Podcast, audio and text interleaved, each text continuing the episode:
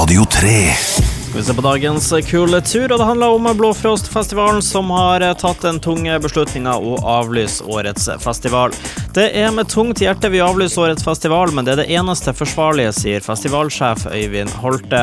Det som skulle bli festivalens store tiårsjubileum på Slipen scene på Rognan med bl.a. Sivert Høie som en av attraksjonene, har nå intet annet valg enn å kaste kortene, melder festivalen i pressemelding.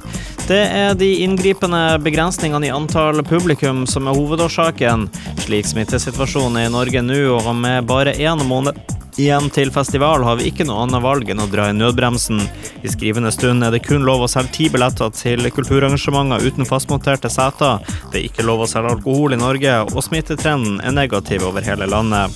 Det sier seg sjøl at forutsette å planlegge festival under slike forutsetninger er like uansvarlig som umulig, sier Holte.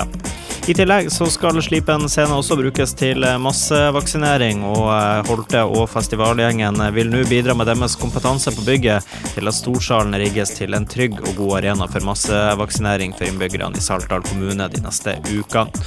Og mer om det finner du i Avisen Nordland under Kultursida.